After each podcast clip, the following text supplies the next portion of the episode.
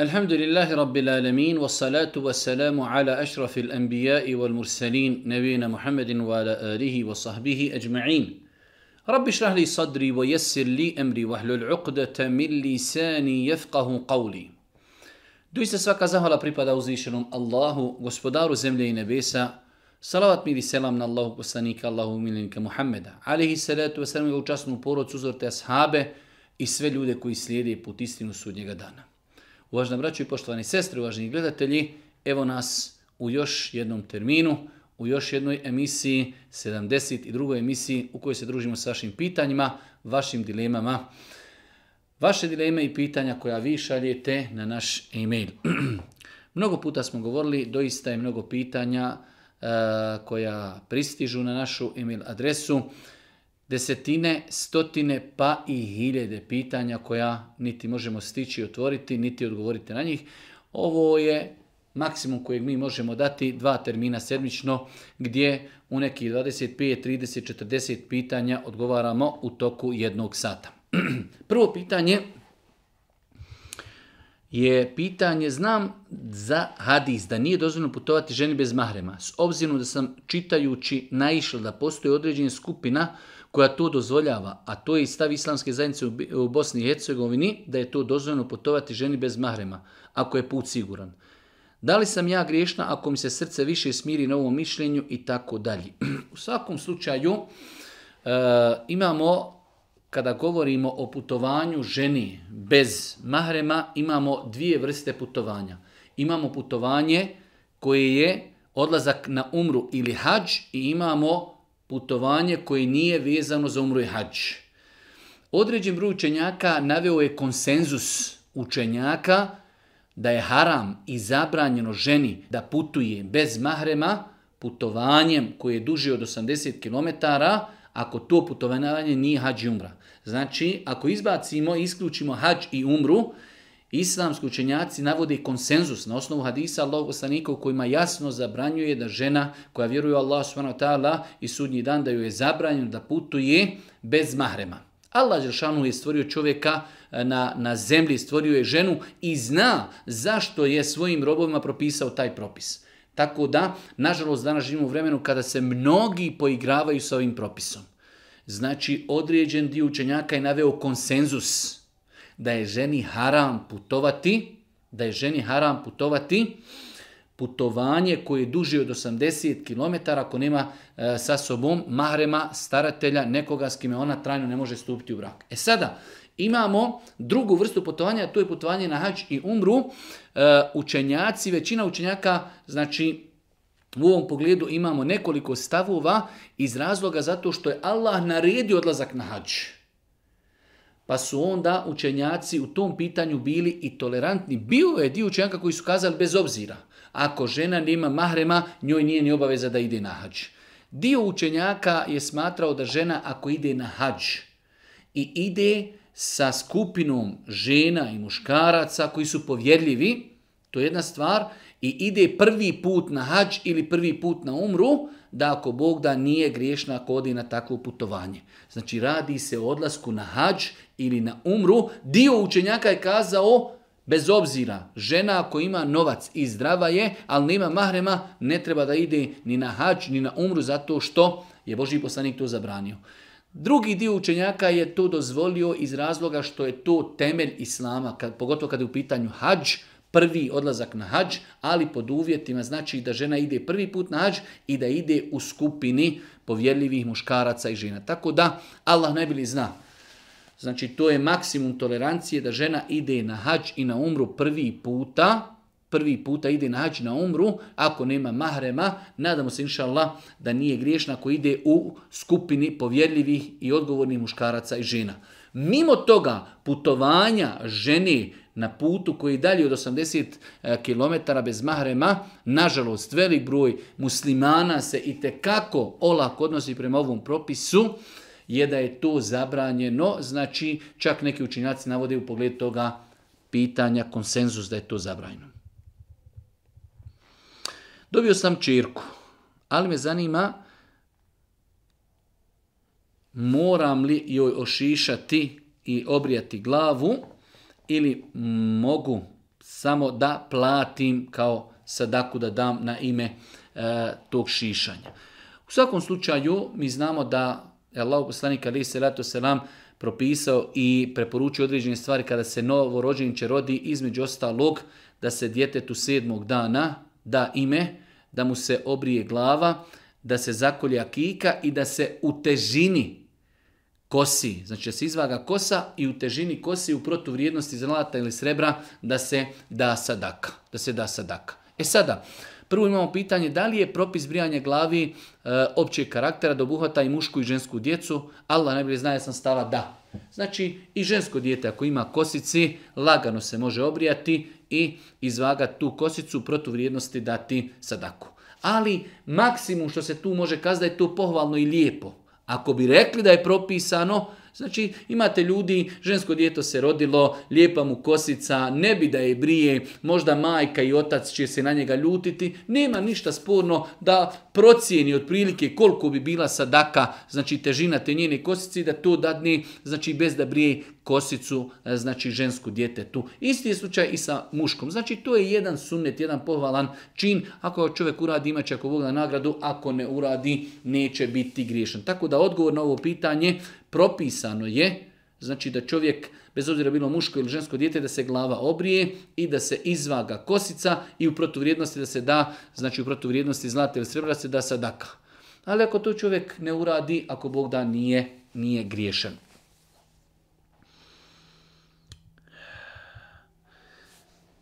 Naime, po mom skorašnjem dolasku u Njemačku, moj sin, 20 godina bez mog pristanka i pristanka supruge, odlazi da živi sa djevojkom. I tako dalje. Klasični standardni problemi, odlazak na zapad, e, djeca se udaju, žene se e, sa nemuslimanima, sa nemuslimankama, odlaze žive sa djevojkama i tako dalje. To, to su ta iskušenja, ima toga i u Bosni, ali mnogo više na zapadu, tako je došlo u pitanju kako je čovjek otišao u Njemačku. Šta čovjek može uraditi sa djetetom koje je otišlo bez njegovog znanja, bez njegove dozvole da živi sa svojom nekom frendicom, sa nekom svojom djevojkom sa kojom nije vjenčan? E, mnogo je sličnih pitanja e, na koja smo davali odgovore. Imamo dvije opcije. Imamo opciju da ga bojkotujemo, ako mislimo da će na njega ostaviti traga to što sa njim mi ne govorimo, što ne komuniciramo, ljuti smo na njega, pa će on to ostaviti, onda ga treba i bojkotovati.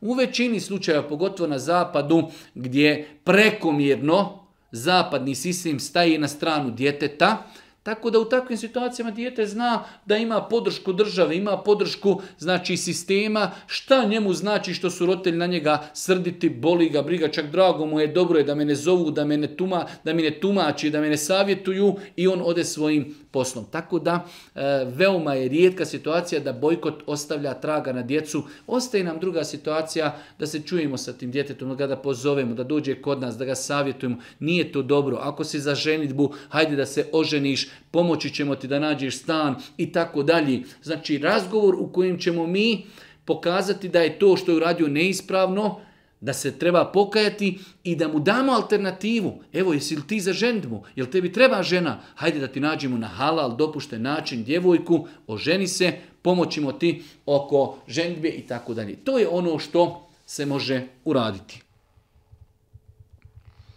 Već dugo tražim suru El Bekara ali bosanska slova, ali na arapskom, da se uči, ne mogu da nađem i tako dalje. Je li to ispravno? Nije ispravno.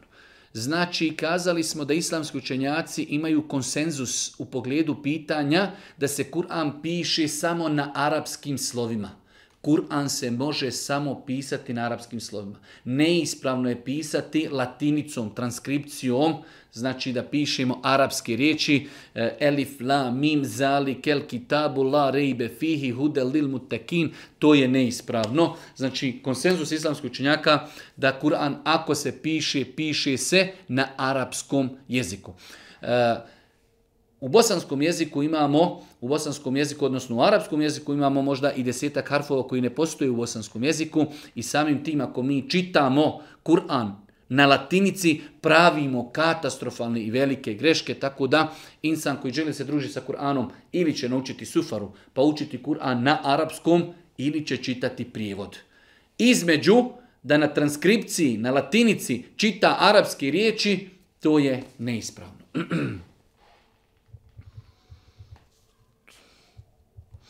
Interesuje me da li čovjek koji živi u Sarajevu, putuje svaki dan u Ilijaš na posao, može uzeti status putnika. Da li može spajati namaze i kratiti? Allah li zna, ne može. Koliko znam da Ilijaš od Sarajeva je, sad ne znam tačno, ali neki 15, 20, maksimalno 30 eh, km, što ne znam da je ikada i kod učenjaka smatrao jednu takvu razdaljinu eh, da se broji putovanje i sefer. Znači, eh, to što su islamski učenjaci mezheba kazali 80, 88 km, ako to i ne bi bilo 80, da čovjek kaže ja putujem 75, 5 Tu se može možda progledati kroz prste. Kaže, putujem 70 km. I to se može progledati možda kroz prste, jer je to već jedan vid putovanja ali putovati iz grada do grada koji su udaljeni 15-20 km, neki 15-20 minuta vožnji autom, ne znam da je ikada iko od učenjaka e, takvu malehnu razdaljnu smatrao putovanjem, tako da Allah najbolje zna u ovakvoj situaciji čovjeku i dalje ostaje da nama svaki klanja i potpuno i u namaskom vremenu.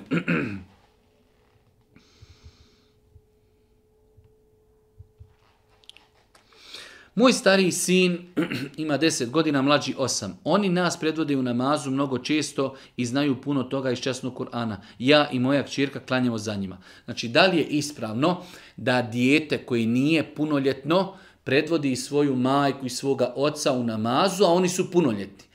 E, gdje je nastao problem? Zašto ovo pitanje? Zato što dijete koje još nije punoljetno, njemu u osnovi namaz nije obaveza. I to je njemu kao vid na fili. On klanja na filu, a majka za njim klanja farze. Da li dijete može predvoditi e, roditelje u namazu? Tačno je, e, jest velik broj učenjaka kazao da ne može. Nije ispravno. Ali je tačno mišljenje mama Šafije i drugih učenjaka da je to dozvoljeno. Imamo hadis rodostan koji bilježi imam Buharija da je asab koji se zove Amr ibn Seleme. Amr ibn Seleme Predvodio je e, znači, ljude svoga plemena u namazu za vrijeme Božijeg poslanika, a kaže prenosioci hadisa, on imao je ili šest ili sedam godina. Znači imamo jasan hadis iz vremena Božijeg poslanika da je dječak od šest ili sedam godina predvodio svoje pleme u namazu. Tako da, ako dijete zna lijepo abdestiti, zna šta je nama, zna ispravno izgovarati, zna ispravno abdest uzeti, zna se očistiti od nečistoći, ako je njegov namaz inšala takav ispravan, nema smetnje da predvodi svoju majku i svoju sestru namazu, pošto žena ne može biti imam mušku. U ovoj situaciji muško znači može biti e, imam svojoj majci i svojoj sestri, bez obzira što još dijete nije punoljetno, 8 godina ili 10 godina. Bitno je da zna ispravno abdest da zna ispravno izgovarati, da zna ispravno nama sklanjati, da se zna očistiti nakon fiziološke potrebe. Ako je njegov znači namaz takav, ispravan, ispravno je da svoju majku i sestru predvodi u obaveznim farz namazima.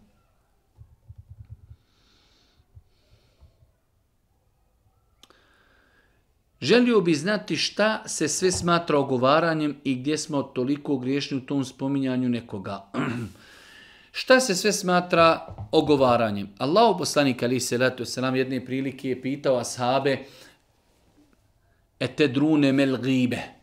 Kaže, znate li vi šta je gibet? Pa je Boži poslanik odgovorio i kaže da spominiš brata muslimana po onome što ne voli. To je znači najbolja i najsveobuhvatnija definicija gibeta, ogovaranja, da spomeneš insana. Njega nema tu, ti ga spominješ po nečem on to ne bi volio. Poslaniku su rekli asabi, Allah oposlaniće, a šta ako je istina to što ja govorim? Znači mi sad imamo situaciju, pričamo o nekome nešto što ne, on ne voli. Ali to istina. Kaže Boži poslanik, ako istinu govorite, to je gibet a ako ne istinu, pa onda ste slagali na njega, tu je potvora. Znači mi kada pričamo o nekome ko nije prisutan, ako o njemu pričamo istinu, a on to ne voli što mi o njemu pričamo, onda je to gibet. Ako pričamo o njemu neistinu, onda je to potvora. To je općen propis. Imamo nekoliko situacija, neki učenjaci su naveli i spomenuli šest situacija e, kada je pod navnim znacima dozvoljeno da čovjek o nekome spomene nešto što taj ne voli i to nije gibet. Ali, e, znači, e, bolje da se pazimo, da se čuvamo i da ostavimo, ostavimo opći propis, znači e, gibet, ogovaranje je jedan od najvećih grijeha u islamu, čak je u Kur'anu spomenuto e yuhibbu ahadukum an yakula lahma akhihi maytan fakarihtumu, zar bi neko od vas volio da jede mrtvo meso brata svoga. Zamislite, gibet je upoređen sa ovim da čovjek jede meso mrtvog brata svoga. Tako da e, čovjek se treba čuvati, paziti i znači truditi se da ljude ne spominje po onome što oni ne bi voljeli.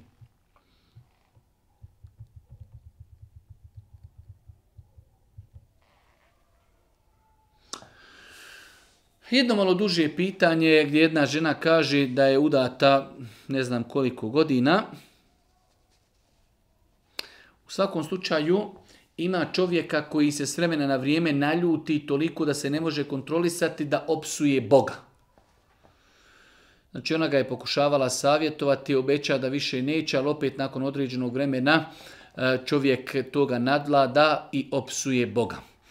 Psovanja late te tela prema konsenzusu islamskoj činjaka čovjeka izvodi iz vjeri. E sada jedno veoma teško pitanje e, na koje ja i možda neću dati direktan odgovor, a to je e, pošto islamski učenjaci baš u pogledu tog pitanja imaju e, mnogo stavova, mnogo različitih pogleda, da li osoba, ako čovjek uradi dijelo koje ga izvodi iz vjere, da li automatizmom njegova žena je razvedena od njega ili ne. Jer kako će sa njim ostati u braku ako on više nije musliman? U svakom slučaju jedno mnogo teško pitanje.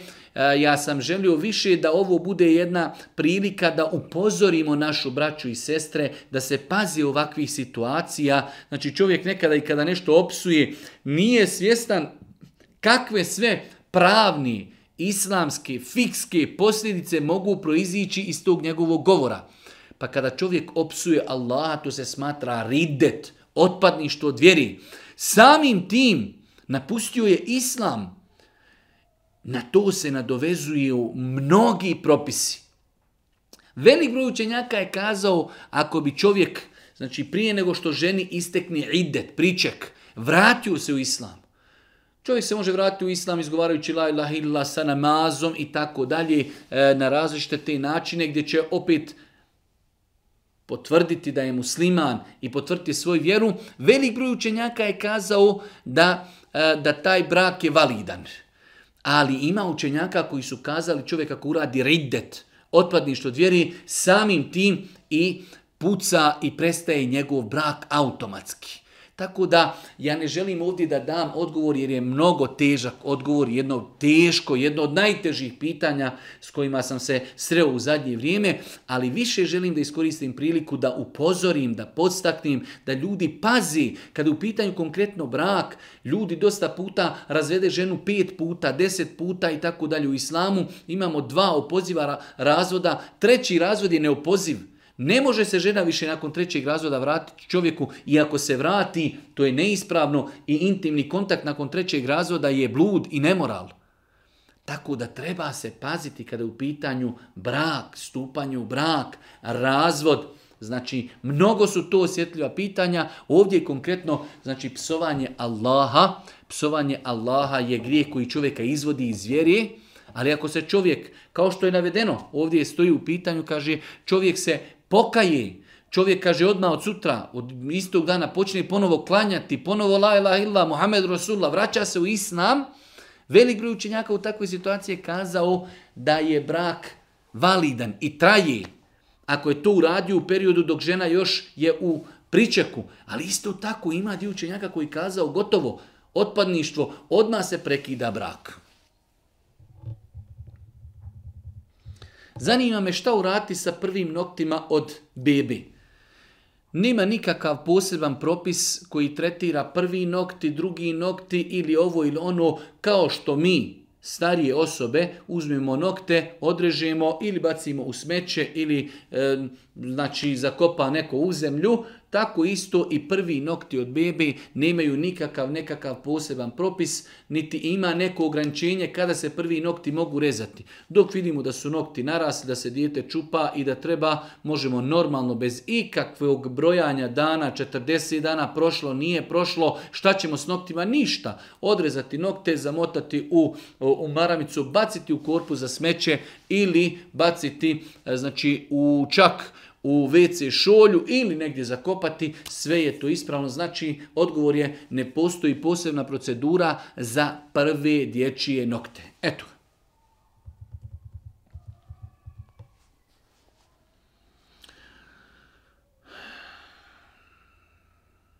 Već duže vremena imam problema sa sihrom, ali su mi rekli da je postavljeno prije 10 godina. da li može da napadne djecu ako sam ja pod utjecajem džina? Generalno, generalno gledajući, generalno mogu i djeca imati problema od sihra koji je e, namijenjen njihovim roditeljima, mogu i djeca imati problema, ali generalno u većini slučajeva sihr, e, znači koji je urađen i napravljen u većini slučajeva vezuje se za jednu osobu, nije, hajde kažemo, nekog prilaznog karaktera. Tako da ne treba se mnogo time opterećavati, treba se više opterećavati e, u pogledu liječenja, učenja, ruke, zaštite, dova, namaza, učenja Kur'ana i tako dalje, a moliti Allah Đošanu da tu dječicu sačuva i zaštiti od bilo kakvog zla, što svakako obuhvata i, i e, zlo i sihra i džina i šitana, svakako djecu podučavati od malena da uče zikrove, da uče dovu, da se oslanju na Allah, te barakatala, mi da im učimo Kur'an, da učimo onu dovu koju Boži poslanik učio e, putem koji je znači, štitio i pazio na svoje unuke Hasana i Huseina. To je ono što možemo raditi, a ne treba se previše time opterećavati. Vi ste napisali da su džennet i vječna boravišta. A doktor Safet Kuzuzović je imao predavanje i rekao je zadnji čovjek koji uđe iz džehennema u dženet. Pa me zanima je li sad džehennem, vječan, e, vječno boravište ili ne. I džennet i džehennem su vječna boravišta. I džennet i džehennem su vječna boravišta. E, kada je doktor Safet kazao posljednji čovjek koji će iz džehennema ući u džennet, misli se shodno opet hadisma Božeg poslanika, posljednji musliman koji će iz džehennema ući u džennet. Pošto rekli smo ljudi na ahiretu se dijeli u tri kategorije. Imamo ljude koji će ući u džennet direktno. Zato što su njihova dijela dobra bila teža od pa su ušli u džennet. Imamo s druge strane nevjernike. Čovjek koji umro kao nevjernik ide vječno u džehennem bez obzira koliko imao dobrih dijela. Imamo mu'mine, muslimane, muvahide koji su bili muslimani za svoga života, ali su imali više grijeha od dobrih dijela. Takvi ljudi će biti izloženi džehennemskoj patnji period. Nakon toga će izaći i vječno ostati u džennetu. Pa o tome je govorio dr. Safet Kudzović, posljednji vjerni koji će izaći iz džehennema, a nevjernici ostaju. Znači, oko nevjernika nema nikakvog raspravljanja, nevjernici ostaju vječno u džehennemu. Za razliku od vjernika, rubema je uaddu ljedine keferu leukanu muslimin, zažalići toga dana nevjernici što nisu bili vjernici. E, jedan dio učenjaka kaže da je ovo, znači ovaj ajet se odnosi na tu situaciju kada vjernici, dio vjernika uđe u džehennem sa nevjernicima. Pa nevjernici počnu da ih barkaju i zezaju i prikažu, eto i vi ste na Dunjalku i klanjali, posle evo nas, eto vas sa nama u džehennemu. Pa kada vide da muslimani nakon određenog perioda izlaze, odoše u džennet, tada, kaže Rubema, je vodu ledine keferu, poželjeće vjerni, nevjernici, da su bili vjernici. Ali nema ništa od toga. Tako da, ispravno razumijevanje, e, džennet i džehennem su, e, znači, vječni, u džehennemu će vječno ostati nevjernici, u džennetu će vječno ostati vjernici, a dio vjernika će nakon polaganja računa biti kažnjen u džehennemu, ali će skončati vječno u džennetu nakon što budu kažnjeni shodno svojim grijesima.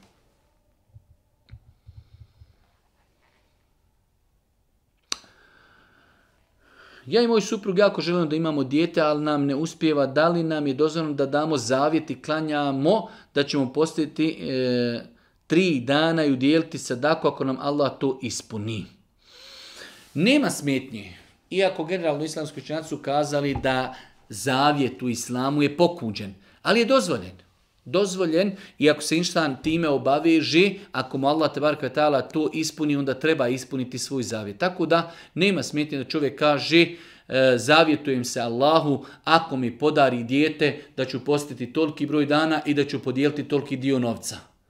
Znači precizira, a pa ako Allah Đelšanu mu da to čime se on zavjetovao, onda je njemu obaveza da ispuni takvu stvar. Tako da inšala biznila, e, to je dozvoljeno. Iako su islamski učenjaci generalno kazali da je to pokuđeno, e, jer kader je kader, ali u svakom slučaju ako čovjek želi, znači to je dozvoljeno da kaže zavjetujem se gospodaru ako mi podari porod, ako mi podari dijete, ako mi podari to i to, neki, neku stvar u životu, zavjetujem se da ću uraditi to i to. Ako mu Allah to podari, onda on njemu je obaveza da to ispuni.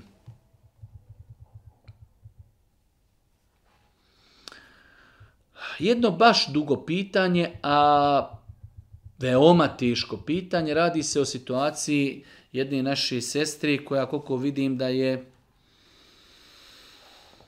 Radi se o, njenoj majci koja je pet godina u komi.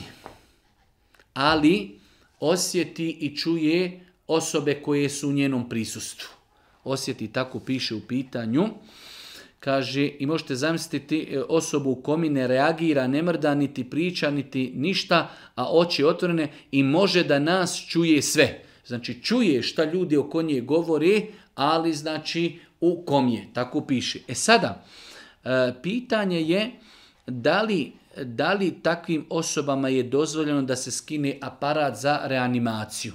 Znači jednostavno imate situacija kada ljudi su na aparatima i ako bi se taj aparat skinuo, možda bi to uzrokovalo e, njihovu smrt.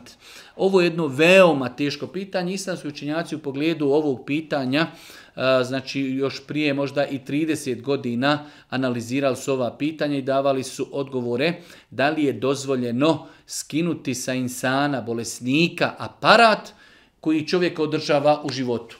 O, svakako pitanje je pravo kompleksno. E, savjetujem da se u ovakvim situacijama ne žuri, da se pitaju učeni ljudi, da se pitaju institucije, da se pitaju e, muftije, ljudi koji imaju mnogo znanja jer je u pitanju ljudski život. Ono što su islamski učenjaci kazali da ako e, mozak čovjeka još radi, mozak ako još radi i ako znači taj aparat za reanimaciju država čovjeka još u životu, zabrajno će čovjeku skinuti tada aparat jer bi to u jednu ruku bukvalno značilo ubijstvo tog insana. E postoji sada situacija u pogledu, tako na arapskom piše, nisam stručan u medicini, tako da vjerovatno medicinari bi možda na ovo mogli još kazati svoj neki stav, a, a to je da ako mozak prestane raditi, a aparat je i dalje uključen i radi, ako tri povjerljiva i kompetentna doktora kažu da je mozak totalno stao, nema više nikakve funkcije, u takvim situacijama velik broj učenjaka savremenog doba dozvolio je da se skinu aparati reanimacije sa čovjeka. U svakom slučaju ja sam ovdje želio samo da spomenem da je pitanje mnogo teško, da se radi o ljudskom životu, bez obzira što je čovjek u komi, koliko je ljudi koji su bili u komi godinama pa se probude iz kome, tako da to što je neko u komi ne znači da trebamo dignuti ruke sa njega. E, e, traži se u ovakvim situacijama da djeca kao nasljednici potpišu saglasnost da se, da se sa bolesnika skinu aparati reanimacije, što je mnogo teško pitanje pitanje koje zaslužuje da na njega daju institucije odgovor. E, šejhovi veliki ili fetva emini, ljudi koji znači nose na svojim plećima fetvu, jer je to znači u pitanju ljudski život, ali ja sam dao jedan opći odgovor šta su islamski učenjaci u pogledu toga kazali da ako mozak još radi, ako mozak još radi, znači apsolutno većina islamskih učenjaka savremenog doba je kazala u takvoj situaciji da nije dozvoljeno e, skinuti sa čovjeka takav aparat jer se to smatralo ubistom Za razliku od čovjeka kojem mozak potpuno stani raditi, nima više nikakvih funkcija, znači opet s druge strane e, velika većina je smatrala da tada se mogu aparati skinuti, ali opet pod provjerom trojice povjerljivih doktora stručni koji će kazati stao je mozak, nema više nikakve koristi, aparati samo džaba su uključeni, mogu se skinuti. Generalno ovo je jedan odgovor, a pitanje je mnogo, mnogo teško. Čula sam na nekoj stranci da ćemo prvo svi u džehennem ići. Da se očistimo od grijeha, pa tek onda u džennet. Sodno smo, zavisi koliko će kostati u džehennemu. Nije tačno. Znači nije tačno da ćemo svi ići u džehennem, e, pa nakon toga sodno grijesima izlaziti iz džehennema u džennet, već znači ljudi se dijele kao što smo malo prije spomenuli u tri kategorije. Imamo nevjernike, ljude koji su čuli za i poslanika, Umrli su u nevjerstvu, u kufru, takvi ljudi će ostati vječno u džehennemu. Imamo vjernike čija dobra djela su bila veća i teža od e, grijeha, pa će oni ući direktno u džennet bez džehennema. Imamo tu treću kategoriju, e, vjernici, monoteisti, ljudi koji su bili muslimani za svoga života, ali njihova e, loša djela i grijehi nadvladali su dobra djela oni će biti u džehennemu kažnjeni shodno njihovim grijesima, a potom će napustiti džehennem i vječno ostati u džennetu. Da li je validan namaz ako smo dekoncentrirani od namaza, recimo misli su negdje odlutale? Nemoguće je klanjati namaz da čovjek niti jednog momenta ne odluta u namazu svojim mislima negdje. To je nemoguće. Allah Žešanu tako je stvorio čovjeka, jednostavno njegova koncentracija, e, čovjek vidi nešto, čuje nešto, uči nešto, pa ga nešto asocira, pogleda u nešto i tako dalje, tako da je nemoguće klanjati namaz u kojem čovjek neće odlutati mislima nimalo ali ono što je pohvalno jeste da se borimo i da se trudimo da što veći period u namazu budemo prisutni svojim mislima, da razmišljamo o onome što se uči, da smo svjesni da smo u namazu i da ne dopustimo da nas toliko šetan zavede, da odemo mislima da od početka do kraja namaza mi smo cijelo vrijeme samo znači rutinski sve klanjali, a nismo razmišljali o namazu. Znači, e, iako bez obzira znači koncentracija na ono što učimo ne utječe na ispravnost namaza, ali utječe i na nagradu. Ispravnost je nešto. Kao što smo kazali za post. Čovjek koji radi određene harame u toku posta, čovjek je postio, nije ništa jeo, nije ništa pio, ali uradio neki haram, slago je. E, to mu umanjuje nagradu. E, tako je i u ovoj situaciji. Znači, e, čovjek koji se znači, u namazu cijelo vrijeme razmišlja o nečemu drugom. Njegov namaz je ispravan. Okrenut je prema kibli, pokrio je avrete, uzeo je abdest, klanjao je, učio je sve što treba, ali ni o čemu nije razmišljao. Njegov namaz je ispravan, ali ima nagradu. Zato je došlo da je Allah poslanik ali se letu sram kazao e, neko od vas završi namaz, nekom je upisana desetina namaza nekom devetina, nekom osmina, nekom sedmina, nekom šestina, nekom petina, nekom četvrtina, nekom trećina, nekom pola. Znači, shodno, koliko mi budemo u namazu prisutni o onome što se uči, toliko učimo, ako Bog da, imati nagradu. Internetom kruži citat u kojem stoji da ko kaže ja Rahman, ja Rahim, određen broj puta, da će imati neku nagradu, pa primjer radi ko kaže ja Rahman, ja Rahim, 258 puta Allah će ga obskrbiti, povećat ćemo obskrbu. Ko kaže stotinu puta, Allah će ga sačuvati nedaći. Ko kaže 99 puta, ja Rahman, ja Rahim, Allah će ga čuvati od sihra, je li to tačno? Nije tačno ne postoje vjerodostojni argumenti koji potvrđuju. Da bi za određenu stvar kazali da nas čuva od cihra, da nam povećava na faku, da nas čuva od nedaća, moramo zato imati dokaz. Nažalost, u, u, u našim prostorima, u knjigama, u internetu možemo naći mnogo, mnogo sličnih stvari gdje ljudi jednostavno ne provjeravaju, ljudi jednostavno šire, pišu i tako dalje, e, tako da neispravno je sve spomenuto. Ne postoji dokaz da onaj ko kaže ja Rahman, ja Rahim 258 puta da će mu se povećati obskrba, niti ko kaže stotinu puta da će ga to sačuvati od nedaća, niti ko kaže 99 puta da će ga to čuvati od sihra. Ništa od toga nije vjerodostojno.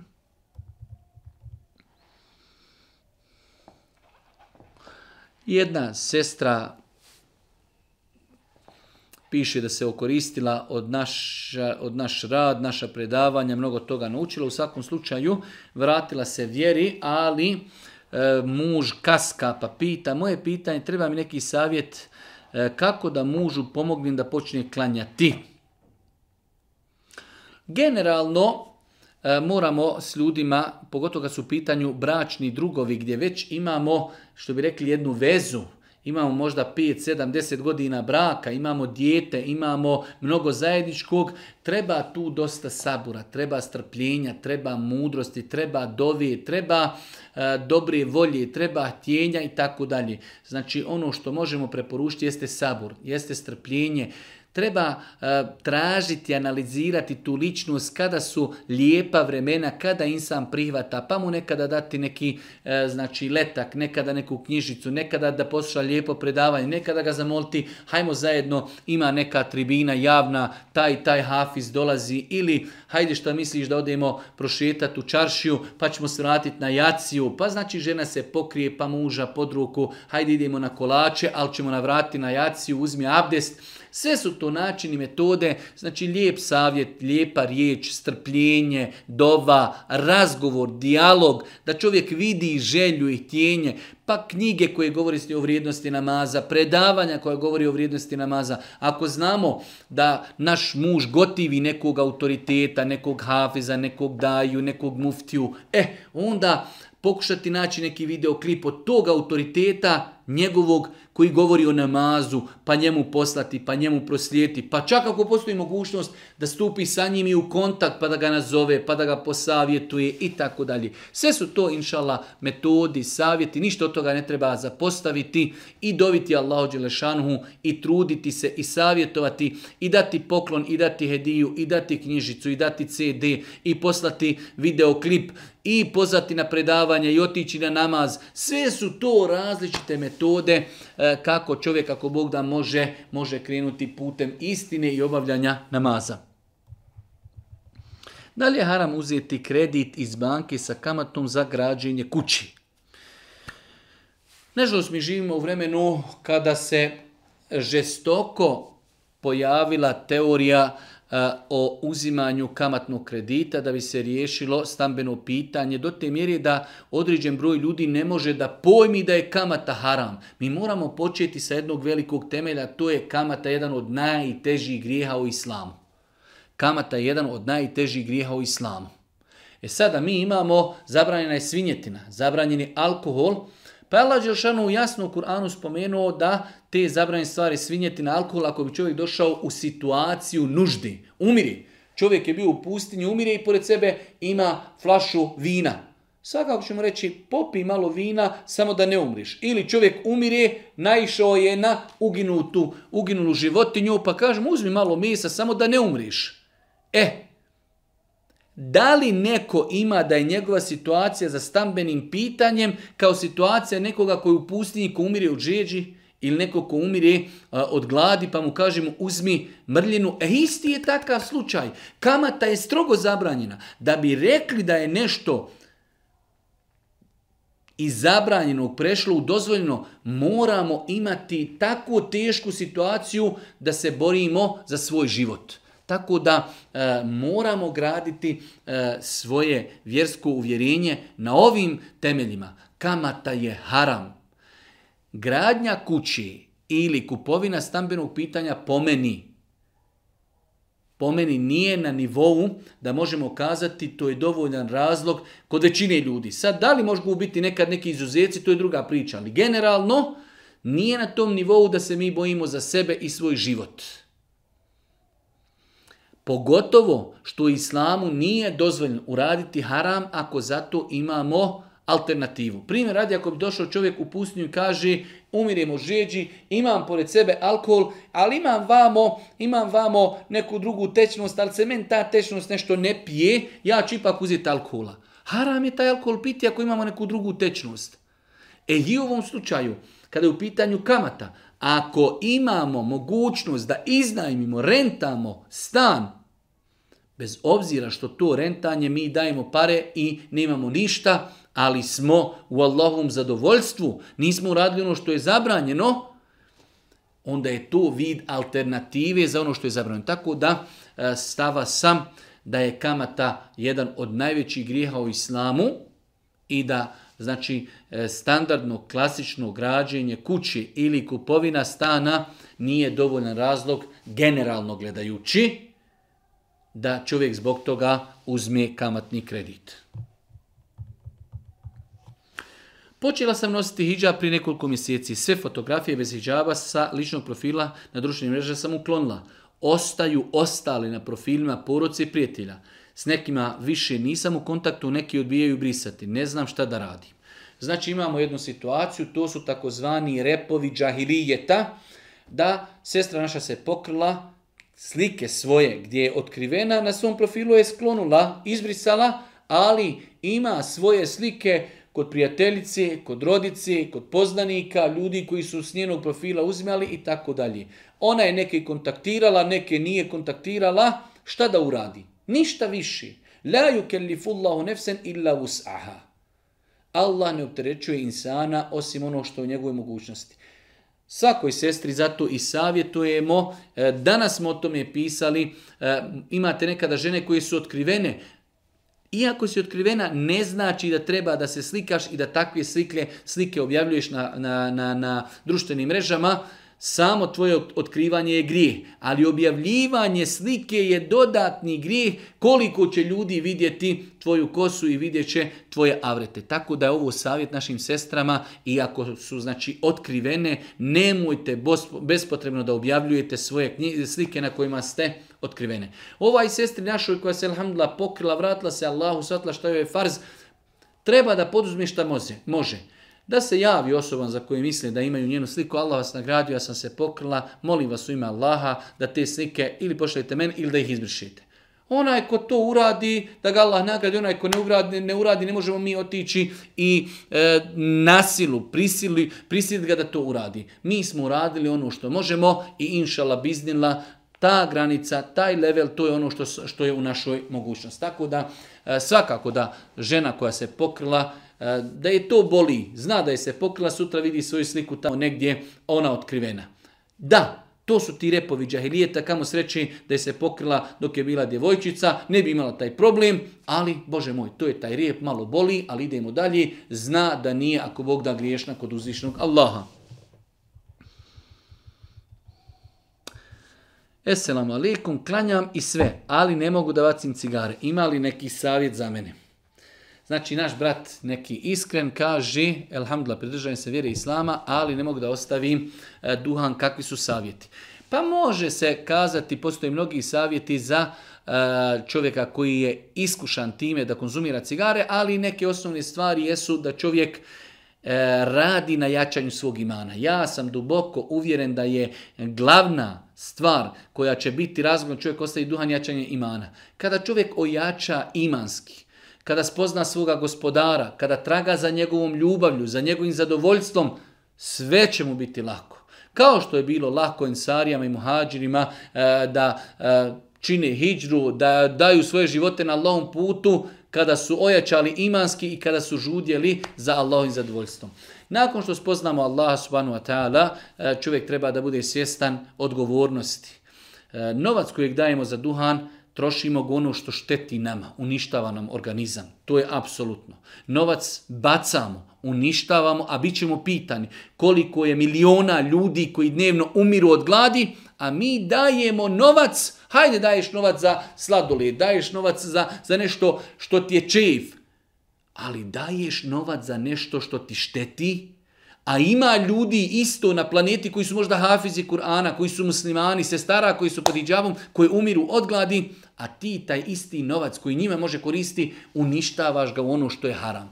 I treća stvar, čovjek treba da bude svjestan, bit će pita na sudnjem danu. Za svaki onaj dim kojim je uznemirio nekoga svoga e, sugrađanina, prijatelja, poznanika koji nije e, pušač i oštetio njegovo zdravlje. Pa insana ako je svjestan činjenice da ga Allah vidi, da meleki zapisuju, da to ljudima smeta, da će biti odgovoran za svoj meta kako ga je sticao, gdje ga je trošio, da će biti odgovoran za svoje tijelo, za svoje zdravlje, da tamo negdje postoje ljudi koji umiru od gladi, a mi svoj metak uništavamo, kupujemo nešto što uništava naš metak i uništava naše zdravlje. Sve su to neki e, savjeti, metode kako i na koji način ostaviti E, ostaviti duhan. Druženje, druženje sa moralnim osobama koje ne konzumiraju duhan. Učenje Kur'ana, dova Allahu te barke ta'ala. Znači sve su to ako Bog da e, metode i savjeti kako čovjek može da ostavi duhan. Jedno duže pitanje. Naime, bila sam u haram vezi sa jednim momkom. Molim Allah da mi oprosti. Međutim, vremeno sam se počela više posvećivati vjeri i tako dalje. U svakom slučaju, jedna naša sestra e, imala je momka, vratila je se vjeri, e, taj momak nije musliman. Želi sa njim da stupi u brak, a zna da je brak sa muslimanima haram pa je sa njim razgovarala, on bi prihvatio islam vjeru, prihvatio bi islam vjeru, ali je pitanje njeno sad, da li se udati za nekoga za koga ne znamo, da li je islam prihvatio iz razloga da se može oženiti tom ženom, jer je to njemu sada privilegija i bonus, ako ćeš primiti islam, možda i on nju mnogo voli, pa spreman je čovjek i primiti islam samo da se oženi, da li je dozvoljeno za njega se udati ili ne. Allah najbolje zna, kažu islamski učenjaci, mi se prema ljudima obhodimo prema njihovoj vanštini. Ako taj čovjek kaže ja vjerujem u Allaha, vjerujem da je Islam ispravna vjera, vjerujem u Božih poslanika, ali se ratu znači jednostavno bez ikakve prisile, vjerujem u to, želim da budem musliman. Mi ga kao takvog prihvatamo, mi ga kao takvog prihvatamo, znači ne možemo mi ući u njegovo srce da znamo da li on to kazao iz uvjerenja ili ne.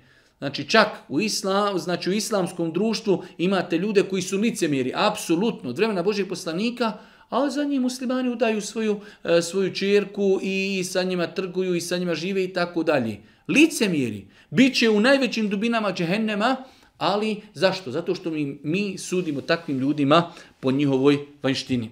Tako da on ako e, javno obznani prelazak na islam i kaže ja vjerujem u ono što treba da vjerujem u islamu, vjerujem u Allaha, vjerujem u poslanika, vjerujem u Kur'an, dozvoljno se za njega udati.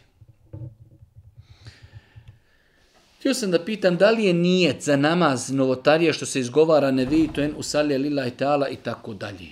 Da, najblaže što možemo kazati za izgovaranje nijeta riječima jeste da je to novotarija. Nije to radio ni Boži poslanik, ali se leto sramnici to radili, a niti to ko radio iz prvih generacija. E, to je s jedne strane najjači dokaz to nije radio Boži poslanik, ali S druge strane, e, učenje ti nije je veliko opterećenje, pogotovo početnicima. Vi sada zamislite, čovjek je primio islam, hoće da nauči klanjati, mi mu kažemo moraš naučiti e, nijet za podne, za sunnete, pa za farze, pa za sun sunnete, pa podne, pa i kindija farzi, pa i kindija sunneti, pa akšam sunneti, pa akšam farzi, pa jacija, pa saba, pa džuma, pa dženaza, pa muška osoba, pa ženska osoba, pa i tako dalje. Znači, pa bajram jedan, pa bajram drugi, pa u džematu, pa sam. E, to su znači, a sve je to bespotrebno. Ljudima je nekada teško naučiti fatihu i kulhu valla, uzabra fela, nas, a mi e, opteretimo ljude sa abdestnim dovama, opteretimo ljude sa izgovaranjem e, nijeta, riječima na arapskom jeziku. Ljudi ne znaju ni šta uči, ali naučio je nevejtojen usalje ta'ala i tako dalje. Tako da izgovaranje nijeta riječima je novotarija, nijet se nalazi u srcu. Dovoljno je da krenuli smo u toalet. Zašto? Idem da abdestim. Zašto? Želim da klanjam podni. To je dovoljno. Stajemo na mjesto gdje ćemo klanjati na seđadu. Allahu ekber. To je, inšala, dovoljno. E, posljednje pitanje. Pratim vaše objave drugi put već pročitam za zabranu kamate. Možete li mi objasniti malo na šta se odnosi? Da li je isto i kamata koju mi dajemo? Ako se je dizao stambeni kredit, recimo i kamata koja se uzima od nas, da li i to podrazumiva zabranu jer ne bi mi smjeli dopustiti to i tako dalje. U svakom slučaju pitanje kamati E, to je ono standardno i klasično pitanje, da li se kamata samo odnosi na osobu koja uzima ili osoba koja daje. Allah poslanik ali se da to je spomenuo u vjerodostavnom hadisu da kaže i onaj ko daje i onaj ko uzima i onaj ko zapisuje i onaj ko svjedoči, kaže svi su oni isti u grijehu. Tako da Kamata, kada kažemo grijeh kamati, obuhvata i onoga koji je nametnuo kamatu i onoga ko daje. To što mi sebi imamo neki vid, da kažemo izgovor, da kažemo bili smo u potrebi, mi smo uzeli grijeh i njemu što nam nije dao. Grijeh je njemu što uzima od nas kamatu, ali je grijeh i nama što smo prihvatili tu njegovu igru. Jer ne bi on uzimao kamatu ako niko od njega ne uzima pozajmicu. Ali kamatni sistem ili pojedinac kaže dijelim e, kamatne kredite, 100.000 digneš, a vratiš 120. I mi kažemo evo ja ću. Zato on to i daje i mi smo tada direktni saučesnici u kamati. Kao što smo rekli, Allah poslanika ali se ratu nam je izjednačio te ljude u grijehu. Tako da ispravno je uvjerenje da i davati kamatu i uzimati kamatu je zabranjeno, odnosno drugim riječima neispravno uvjerenje da je kamatu haram samo da čovjek traži, a onaj ko daje da to njemu nije grije Molim Allah subhanahu wa da nas učini na putu istinu, nam podari dobro i dunjalka i ahirete na kraju subhanike Allahumma da bihamdike, ešhedu en la ila en stakfiruke wa etubu ilaik. Oh.